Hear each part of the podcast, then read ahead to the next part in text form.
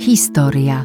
Czytamy o niej w podręcznikach, znamy ją z opowieści naszych rodziców, dziadków i babci, ale tworzymy ją także my. Każdego dnia.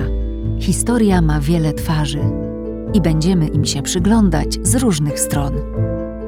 Do posłuchania podcastu Jest Historia zaprasza Instytut Pileckiego.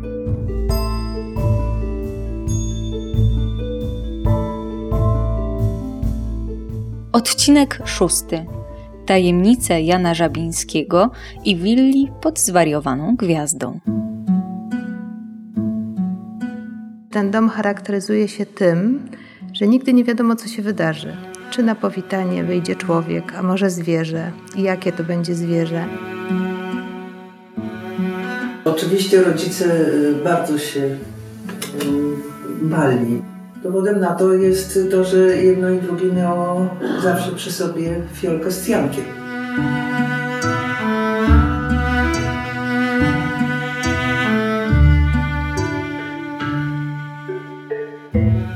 שלום לכולם, אנחנו פה הגענו עכשיו לתצפית על פראגה. Krakow, because it, it goes that way for 3 kilometers or so, then yet in the 9th kilometer we've got the... Wakacje. Warszawska Starówka, Łazienki Królewskie, Zoo.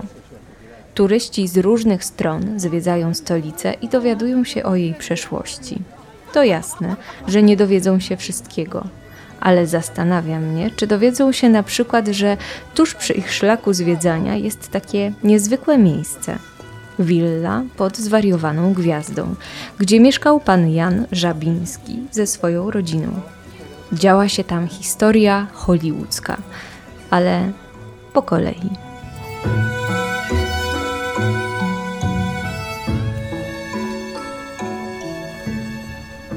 Siedzimy na starówce warszawskiej w cieniu kolumny Zygmunta. Wokół nas wędrują sobie turyści, robią sobie zdjęcia. Ja się tak zastanawiam, czy mają oni szansę dowiedzieć się, kim był Jan Żabiński. Myślę, że, że turyści w Warszawie, osoby odwiedzające Warszawę mogą e, poznać historię Jana Żabińskiego. E, Natomiast e, myślę, że jej przede wszystkim na razie jeszcze nie znają. Michał Gawriłow, Dział Edukacji Instytutu Pileckiego. Jan Żabiński był przede wszystkim społecznikiem, dyrektorem warszawskiego zoo. Ojciec został dyrektorem ogrodu zoologicznego na podstawie konkursu, który został rozpisany. No ten konkurs wygrał. Teresa Żabińska-Zawadzki, córka Jana i Antoniny Żabińskich. On miał koncepcję taką, żeby się właściwie nauczyć tego, jaki ten ogród zoologiczny ma być. Yy, Więc przede wszystkim zaczął od tego, że objeździł i to tak bardzo intensywnie wszystkie europejskie ogrody zoologiczne. Założenie było takie, że nowoczesny ogród zoologiczny powinien yy, nie mieć yy, zamkniętych yy, pomieszczeń, nie powinna być to menażeria, nie powinien być to taki obszar wyłącznie do tego, do oglądania zwierząt. Chodziło o to, że nowoczesny ogród zoologiczny musi spełniać warunki bytowe zwierząt najbardziej zbliżone do ich warunków naturalnych. Warszawski miał tę przewagę, że on to, to dopiero zaczął być budowany. Czyli nie trzeba było się ani starymi budynkami, ani starymi wybiegami, których notabene właśnie w tamtych ogrodach prawie w ogóle nie było, nie przyjmować. Więc y, tak się ten ogród stawał i aż się stał y, najnowocześniejszym i najlepszym ogrodem zoologicznym w Europie przed y, wybuchem y, wojny światowej II. Jego osiągnięcia zostały docenione i, i działał na rzecz właśnie swojej społeczności, popularyzacji też, też wiedzy o zwierzętach, o, e, o ich życiu. Miał też swoje audycje w Polskim Radiu.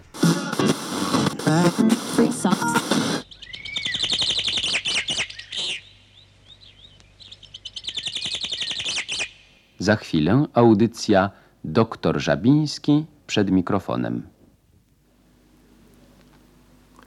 Zdawałoby się, że stosunek między panem i psem To są bowiem bohaterowie mojej dzisiejszej audycji, jest tak jednoznaczny, jasny i dla każdego zrozumiały, iż właściwie nie ma co się na ten temat wiele rozwodzić. W rzeczywistości jednak jest wręcz odwrotnie. Nieporozumienia powstające na tym tle dowodzą, iż bardzo słabo orientujemy się w psychice naszego czworonożnego podwładnego, miewając doń wyraźne pretensje, jeżeli postępuje wbrew naszej woli. Uważamy bowiem, iż czyni on to najzupełniej świadomie nas lekceważąc. No a to oczywiście wywołuje w nas ujemny nastrój psychiczny i uważamy się za uprawnionych do karania psa, mimo iż ten na ogół żadnej winy nie ponosi, rzecz bowiem polega jedynie na obustronnym nieporozumieniu wynikającym głównie z różnic psychicznych.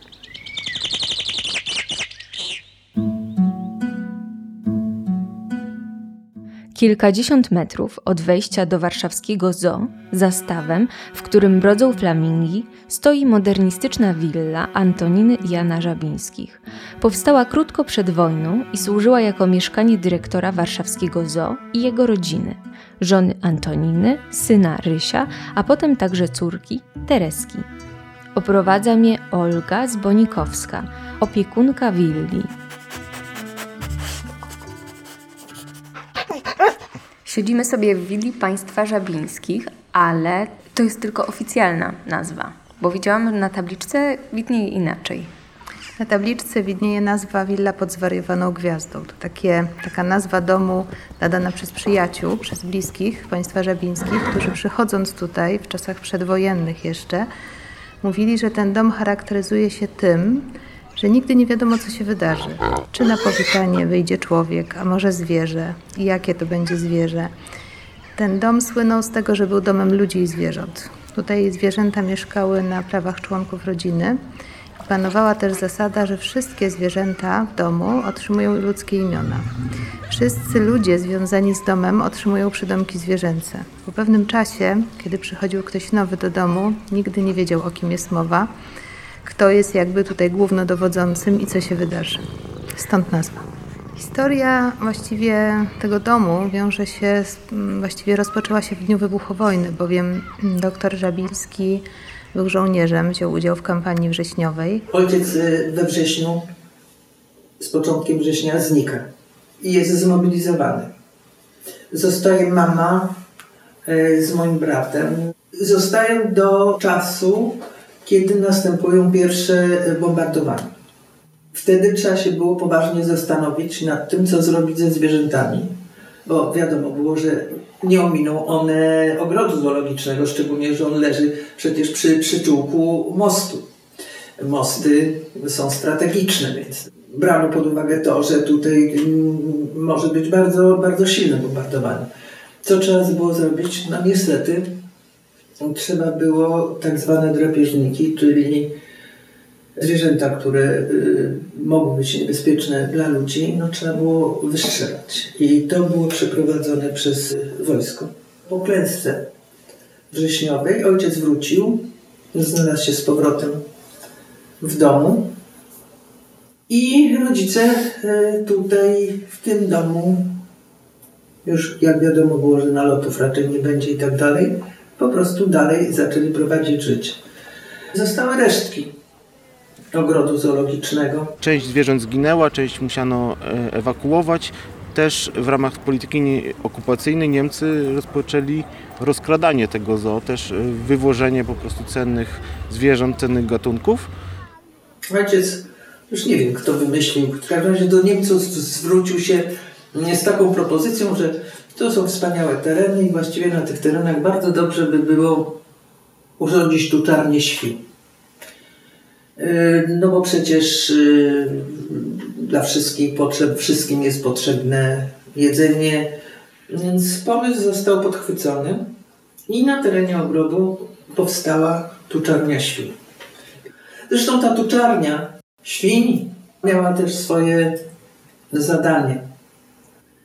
Mianowicie, jeżeli mamy tu czarnie świń, to te świnie muszą jeść. E, czym się będą żywiły? No najlepiej odpadkami z różnych restauracji, ale przecież również na terenie getta też były rodzaj restauracji, był rodzaj kawiar. I na tej podstawie ojciec uzyskał dla siebie przypustkę do getta pod pozorem tego, że jeździ po odpadki.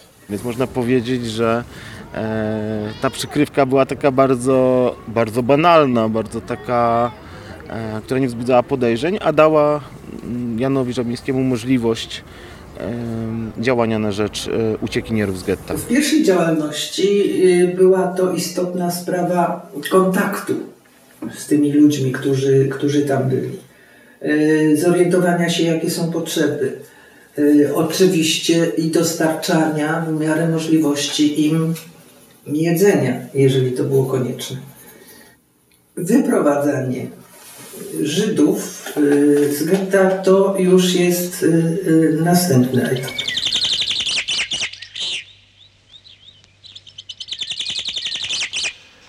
Jeżeli od razu na samym początku powiem, że tematem mojej dzisiejszej audycji będą lemingi, obawiam się, że nie będziecie Państwo chcieli jej słuchać, albowiem są to zwierzątka bardzo spopularyzowane jako gromadni wędrowcy przerzucający się w tysiącznych stadach na przestrzeni setek kilometrów. Wiem, że słyszeli Państwo o tych wędrówkach i dlatego nie mam najmniejszego zamiaru tym powszechnie znanym szczegółem usiłować budzić Waszego zainteresowania. Chcę o lemingach mówić, ale pod zupełnie innym kątem, mianowicie o roli biologicznej, jaką te małe gryzonie odgrywają na terenach przez siebie zamieszkiwanych, a więc przede wszystkim w tundrze. Zarówno na niewielkich kawałkach, jakie występują już na Półwyspie Skandynawskim, jak również na rozległych obszarach północy Związku Radzieckiego w obrębie Europy i Azji. Nie lubię przesadzać. Jednak z całą odpowiedzialnością powiedzieć mogę, że lemingi to bodaj najważniejsze ogniwo biologicznego życia tych terenów.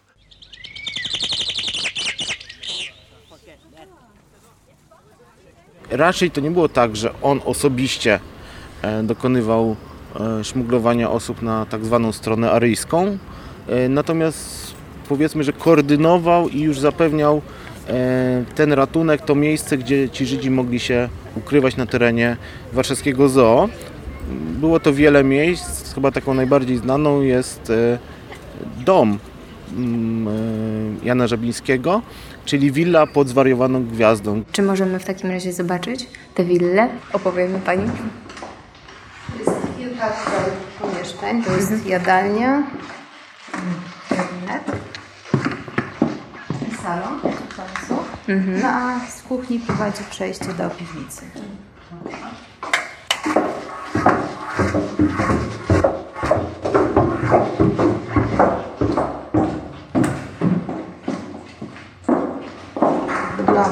rozległa, dużo tutaj w sobie pomieszczeń. Tu Proszę Zakamarki. Zakamarki, różne małe skrytki. Była budowana na, tak jak dom na początku lat 30. i służyła przez, przez pierwsze 10 lat funkcjonowania ogrodu jako magazyn na pasze dla zwierząt. I stąd te wszystkie zakamarki, bo to bardzo nietypowe. Nietypowe. No tak było budowane na zasadzie. Trzeba pamiętać, że zoo warszawskie powstało dopiero w 28 roku, więc tych 10 lat do wybuchu wojny to tak naprawdę był rozruch. I ten budynek to był taki najlepszy, najbardziej stabilny, pewny dom. I świetnie się to miejsce nadawało. Ciemne, zimne, piwnica, prawda? Właśnie podział na różne strefy. Po to było zbudowane. I takie zakamarki, że faktycznie można by było tych ludzi umieszczać, że no, mimo trudnej sytuacji, ale jednak mieli jakieś takie, nie wiem, osobne miejsca? Mm, Tak, aczkolwiek też weźmy pod uwagę, że w jednym czasie mieszkało tu zwykle około 30 osób, więc, ale oczywiście pewien rodzaj takiego odosobnienia był możliwy. E, Piwnica też była zupełnie ciemna, bo ona była pozbawiona okien. Okna zostały dodane kilkadziesiąt lat po wojnie dopiero tutaj do tego miejsca. Przeważnie pomieszczenia wyglądały tak jak to, no właśnie odosobnione, ciemne zupełnie, no ale też zimne niestety, bo to ogrzewanie to też są lata znacznie późniejsze. ale w tym domu ukrywali się, no, przechowywali nie tylko właśnie y, Żydzi. Y, W tym domu y, byli, no, nie mogę powiedzieć przetrzymywani, bo nie przetrzymywani, ale trzeba było przechować również parę osób, które były chore psychicznie. E, również i w tym domu, może nie bezpośrednio w pokojach, ale na terenie bliskim zresztą ogródka, byli schowani, ich się przetrzymało młodych y, chłopaków z szarych szeregów po akcji. Trzeba było im udzielić schronienia. Zaczęło się od tego, że w ogóle w tym domu zaczęto przyjmować ludzi, którzy potrzebowali w danym momencie pomocy. Później ta pomoc rozciągnęła się na tych, którzy najbardziej potrzebują, to jest na Żydów. I Żydów z getta. Mówi się, że najciemniej jest pod latarnią, więc tutaj w tym wypadku e, sprawdziła się ta zasada, bowiem Zo jako miejsce e, konspiracyjne, można powiedzieć, w ogóle się do tego nie nadawało. Było właściwie widoczne z każdej strony. Było zamknięte dla zwiedzających, natomiast działała mm, hodowla świń na potrzeby armii niemieckiej, więc tutaj właściwie głównymi gośćmi i, codziennymi gośćmi byli żołnierze niemieccy. Oni byli tutaj na terenie ogrodu, byli w domu bardzo często z różnych powodów i właściwie wszystko, co się tutaj działo, działo się tuż pod ich nosem. To jak, jak oni sobie właśnie radzili z tym, że przychodzą ci żołnierze niemieccy w każdej chwili praktycznie mogą zajrzeć, a tutaj jednak no, dzieje się cały czas to pomaganie i ukrywanie. Wszystko e, było dopięte na ostatni guzik. Tutaj logistyka była opracowana do perfekcji. Jak to miało wyglądać, kiedy trzeba było ostrzegać, na co trzeba było zwracać uwagę. Jednocześnie też żabińscy wiedzieli i y, żyli w taki sposób, żeby stwarzać pozory, takie wrażenie wobec Niemców, że w tym domu nic się nie dzieje. Wszystko jest tak jawne, że oni nie mają nic do ukrycia. Tak więc stąd pozostawione na oścież otwarte drzwi czy okna, e, krążący tutaj ludzie, przyjaciele, znajomi, tłumy ludzi, takie robiące wrażenie, że tutaj naprawdę nie ma nic, czego nie powinno być. Trzeba było wymyśleć na przykład taką rzecz, ponieważ mieszkało tu dużo ludzi, no to jak ich ostrzec i co z nimi zrobić w momencie, kiedy na przykład zostanie zauważone to, że nadchodzi niebezpieczeństwo, czyli coś, co może być zagrożeniem. No to trzeba wymyśleć jakiś sygnał.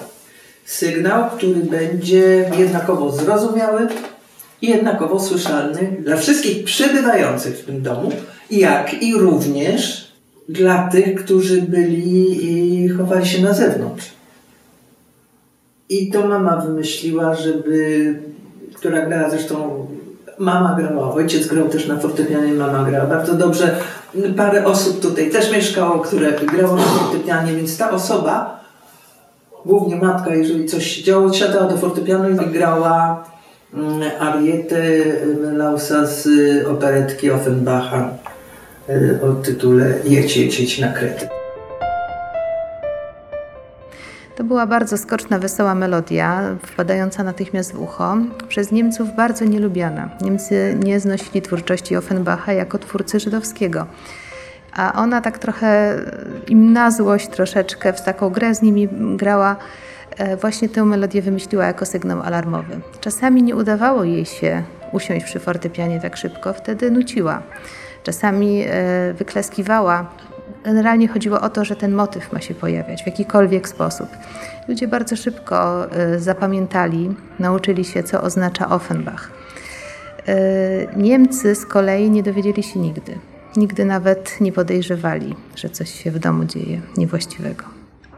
Ja określiłabym ich y, działanie, to jest określenie, o działanie ojca, to było zewnętrzne. On miał kontakt ze światem, on działał zewnątrz, trzeba było załatwić papiery, trzeba było jakieś y, następne miejsce do przerzutu czy coś. On szukał następnych kontaktów, on miał informacje, czy komuś trzeba pomóc, czy znowu kogoś przechować. On, y, tak jak powiedziałam, y, szukał następnego miejsca dla tych, którzy byli y, y u nas i trzeba było ich dalej jakby y, przeprowadzić. Natomiast całą taką, no właściwie no najgorszą i najbardziej, wbrew pozorom, niebezpieczną sprawą zajmowała się mama. Dlatego, że to, że ona musiała tych ludzi wyżywić, no to umówmy się, nie ci, którzy tu mieszkali, to, to, to jej w tym pomagali. Wykorzystywała różne rzeczy. Potem po tuczarni świń na terenie ogrodu zoologicznego powstały ogródki działkowe. Także tutaj obok domu mama miała swoje takie jakby małe gospodarstwo rolne.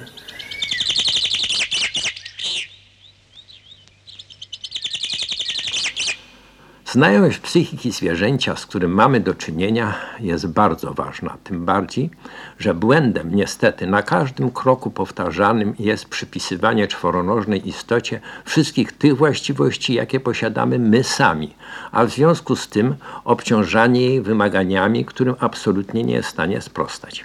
Przy tym jedni chcieliby w psie widzieć lustrzane odbicie własnej osobowości innym zaś przeciwnie. Właśnie dopełniająca cecha ze strony czworonożnego towarzysza jest najbardziej potrzebna. Na przykład osoby melancholijne z natury lubią właśnie takie psy, które ostentacyjnie manifestują swój dobry humor i wesołe usposobienie. Można by więc powiedzieć, że istnieje dwojakiego rodzaju zapotrzebowanie na psy podobne psychicznie do nas samych lub uzupełniające nasze własne mankamenty psychiczne. Objaśniałem sprawę długo, a właściwie za przykładem Wilhelma Busza można to było wyrazić prosto i krótko, że powinny się dobierać takie istoty, które obustronnie z siebie mogą być zadowolone. Oczywiście rodzice y, bardzo się bali. Dowodem na to jest to, że jedno i drugie miało zawsze przy sobie fiolkę z cjankiem. Nie było dnia, żeby Niemcy nie byli w domu. Więc trzeba się było liczyć z tym, że być może oni się zainteresują w końcu, co jest w piwnicy. To, że oni się tak naprawdę tym nie interesowali, znowu e, bazowało na dwóch aspektach. Po pierwsze, e, Jan Żabiński był człowiekiem w Niemczech bardzo znanym. Jako naukowiec bardzo poważanym. On też świetnie mówił po niemiecku i miał u Niemców pewien respekt. On się cieszył pewnym szacunkiem, był zresztą bardzo charyzmatycznym człowiekiem nie da się też ukryć, że był, nie był taki łatwy w obcowaniu, jak wspominają ludzie, którzy go znali i mm, niektórzy się go bali. On wpadał w gniew straszny, jak się z kimś pokłócił, krzyczał, był cholerykiem typowym. Y, I Niemcy nie chcieli koniecznie wchodzić mu w drogę, to po pierwsze. A po drugie, znowu niezwykła mądrość i y, przewidywanie tego, co się wydarzy w osobie pani Antoniny, która zapowiedziała właśnie, że na przykład drzwi do piwnicy, czy tutaj w ogóle dom jest otwarty. On musi być otwarty. Czyli te drzwi, które tutaj mamy? Tak, te drzwi do kuchni, które prowadziły z kuchni do piwnicy, one stały otworem. Właśnie po to, by nie dawać żołnierzom niemieckim takiej, takiej chwili zastanowienia, co jest za tymi drzwiami. Oni widzieli drzwi otwarte, piwnica, ok, ciemna, nic tutaj nie było, bo zwierząt już żadnych nie było. No, od początku wojny wszystkie zostały zabite. Właściwie tu nie ma po co zaglądać. Taka gra psychologiczna, można powiedzieć, którą, której zwycięzcą niekwestionowanym była pani Żabińska. Ale ci ludzie tutaj, którzy siedzieli, musieli być strasznie cicho. Przecież 30 osób to nawet kwestia poruszania się, to zawsze jest jakiś szmer. Niestety, no to to wszystkie relacje które znamy, ludzi, którzy ukrywali się w czasie wojny, czy w Warszawie, czy w innych miastach, no to właśnie na tym polegają, że trzeba było zachować absolutną ciszę. Co w wypadku osób starszych, nie mówiąc o dzieciach, jest no, właściwie niewykonalne, można, można powiedzieć. A jednak oni wiedzieli, że to jest kwestia życia i śmierci. Nie mieli wyboru. Ta piwnica zresztą to jest miejsce jak na warunki ukrywania się bardzo dobre. Jest mimo wszystko rozległa, można tu stanąć, prawda, wyprostować się, poruszyć się. A przecież znamy relacje ludzi, którzy ukrywali się w małych skrytkach takich, że musieli siedzieć bez przerwy czy leżeć, nie mogli w ogóle nic robić. Więc ta piwnica mimo wszystko jeszcze nie była najgorsza.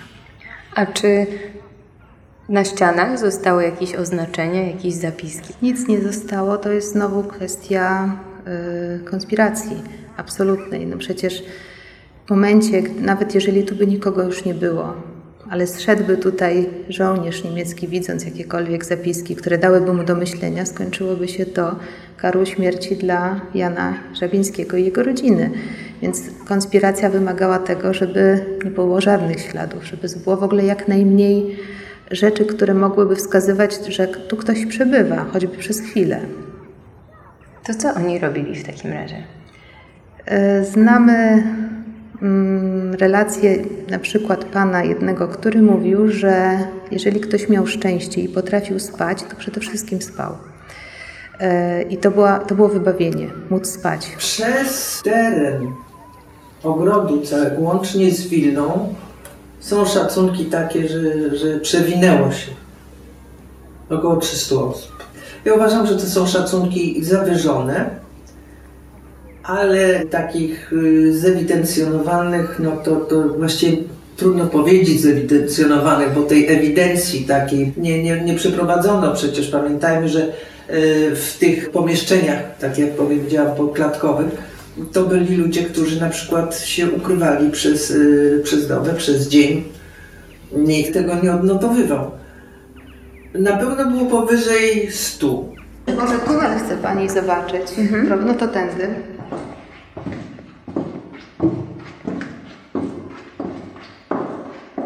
Tutaj, no bo mówimy, prawda, że oni tutaj w piwnicy mieszkali, ukrywali się. W momencie zagrożenia musieli dom opuścić. Tu było przejście e, właz do tunelu. Tunel kończył się pod podłogą wolier dla bażantów. Dzisiaj nie ma już tych wolier niestety, więc nie, nie jest to takie widowiskowe, natomiast wyjście nadal jest w ogrodzie, ukryte za drzewami, można je zobaczyć też od drugiej strony. I to była droga na zewnątrz, jedyna. Wąska, ciemna, jeżeli sobie wyobrazimy, że musiało nią przejść 30 osób szybko i cicho i sprawnie, to znowu się wydaje, że to jest niemożliwe do przeprowadzenia. A jednak się za każdym razem udawało. Tak, zaglądam. Widać. A, i tam już jest wyjście, tak? Na końcu, gdzie jest to światełko.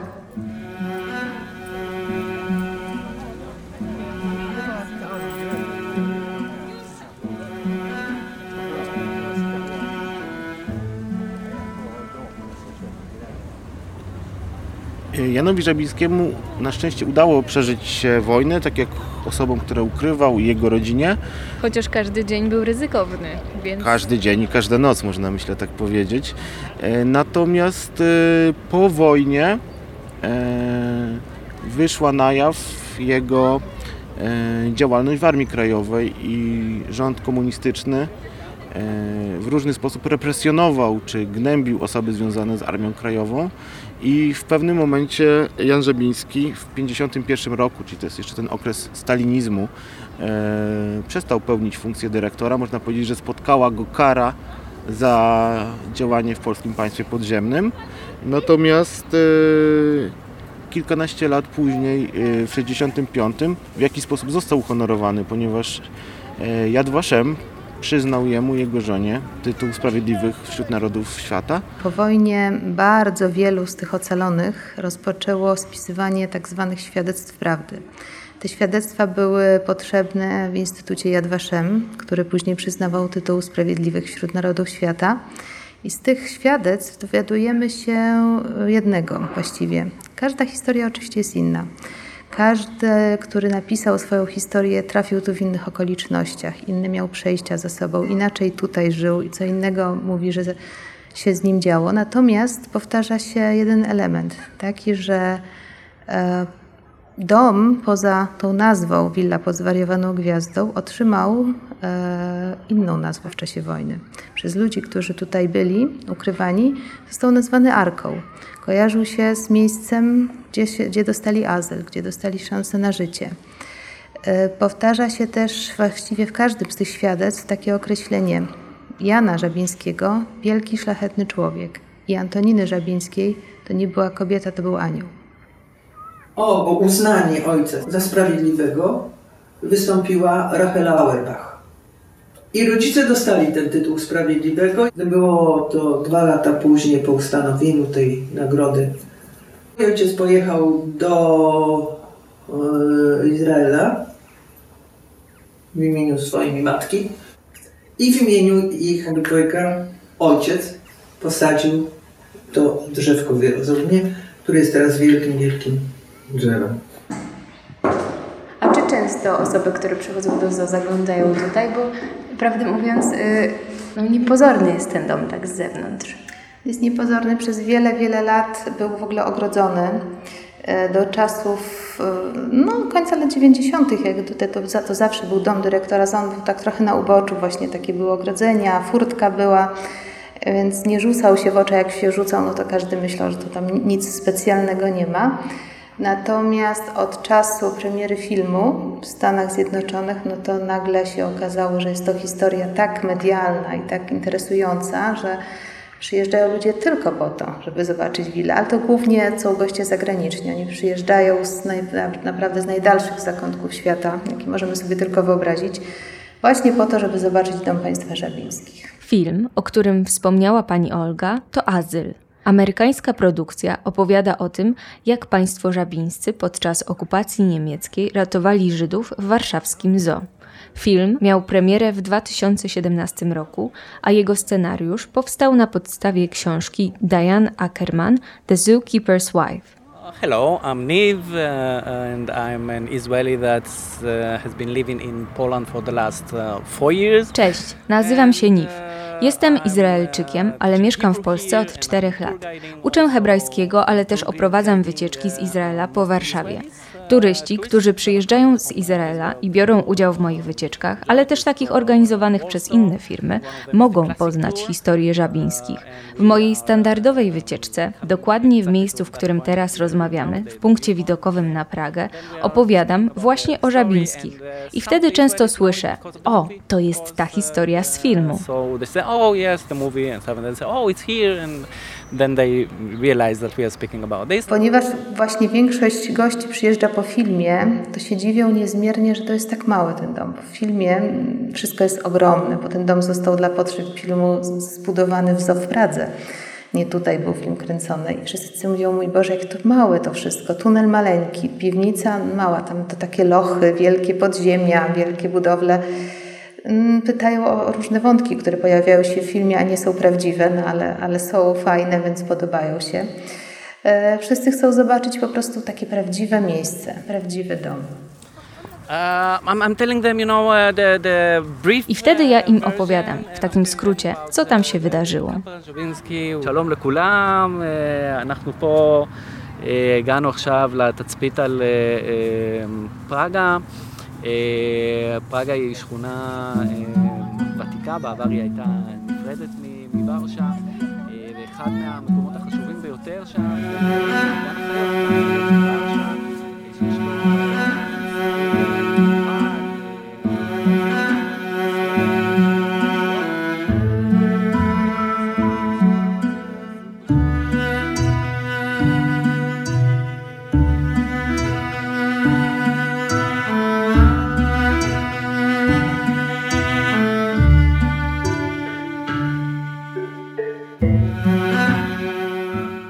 Dom jest poruszający przede wszystkim dlatego, że jest prawdziwy. On był zniszczony w bardzo niewielkim stopniu. Wszystko, co tu jest, to jest to, co było kiedyś. To są podłogi, po których chodzili żabińscy, te same piwnice, te same pomieszczenia. Więc mam wrażenie, że te mury to cały czas jeszcze mają w pamięci, co się wydarzyło. No a chodząc po tym domu, ja mam takie mm, przekonanie, zresztą tu wiele osób mówi o tym samym, że jak tu się wchodzi, to się czuje ducha pani Antoniny. Ojciec powiedział, że dla niego było absolutnie obojętne, czy to byli Żydzi. Byłoby dla niego obojętne, kim by byli. Czy to byliby Anglicy, czy to byliby Duńczycy, czy ktokolwiek inny. To byli ci, którzy byli w takiej sytuacji, że oni wymagali pomocy. Warszawski ogród zoologiczny, jak się okazuje, e, ma swoje sekrety, nie jest tylko miejscem, gdzie można zobaczyć różne gatunki dzikich zwierząt, ale też e, poznać historię. I dowiedzieć się czegoś o ludziach, nie? I dowiedzieć się czegoś o ludziach.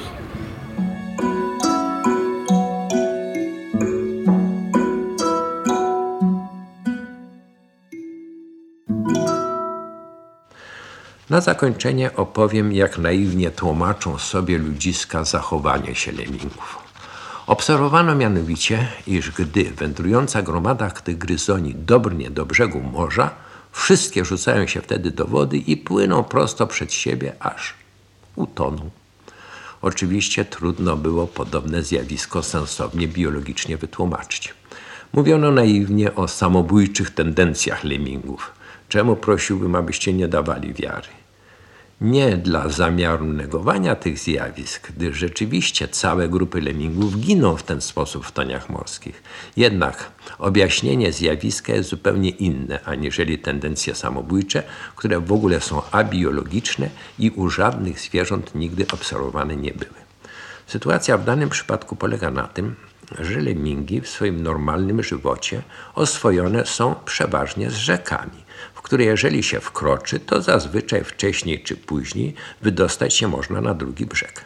A zatem przypadek z morzem jest, jeżeli można tak nazwać, typowym tragicznym nieporozumieniem. Trafiło się mianowicie na taką dziwną rzekę, która nie ma drugiego brzegu. No, ale to już sprawa pechowego przypadku.